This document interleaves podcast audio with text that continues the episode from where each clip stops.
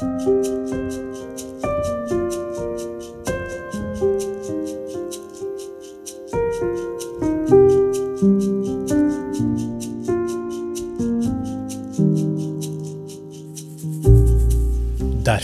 skal Herren selv gi dere et tegn. Se, den unge jenta skal bli med barn og føde en sønn, og hun skal gi ham navnet Immanuel. Jesaja 7, 14. Evangelisten Matteus slår fast at fødselen til Jesus er en oppfyllelse av denne 600 år gamle profetien. Rett før dette skriver han at engelen ga Maria beskjed om å kalle barnet for Jesus. Matteus lar denne tilsynelatende motsetningen bare stå der. Jesus bar flere navn. Det er hva navnet Immanuel betyr, som er viktig for Matteus, noe han understreker med å oversette det til gresk. Det betyr Gud med oss, står det i Matteus 1,23. Du skal ikke misbruke Guds navn, lyder et av de ti bud. Men det gjør mennesker ofte, også i dette tilfellet.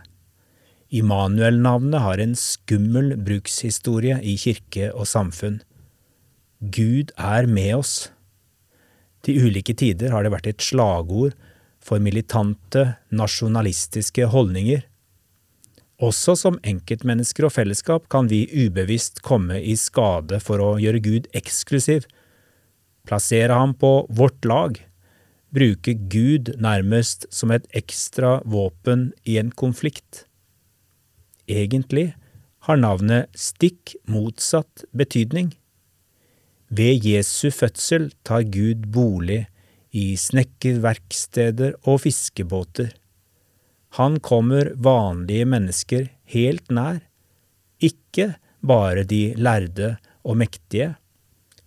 Jesus bruker sine etterfølgere og sin kirke til å gi dette nærværet munn, hender og føtter.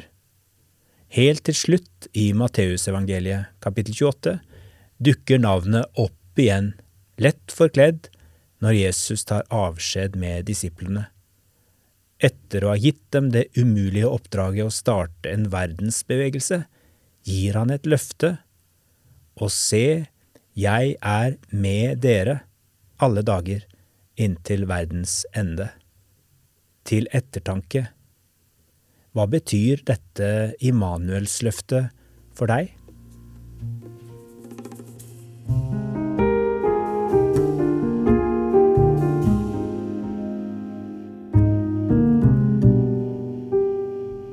Bye.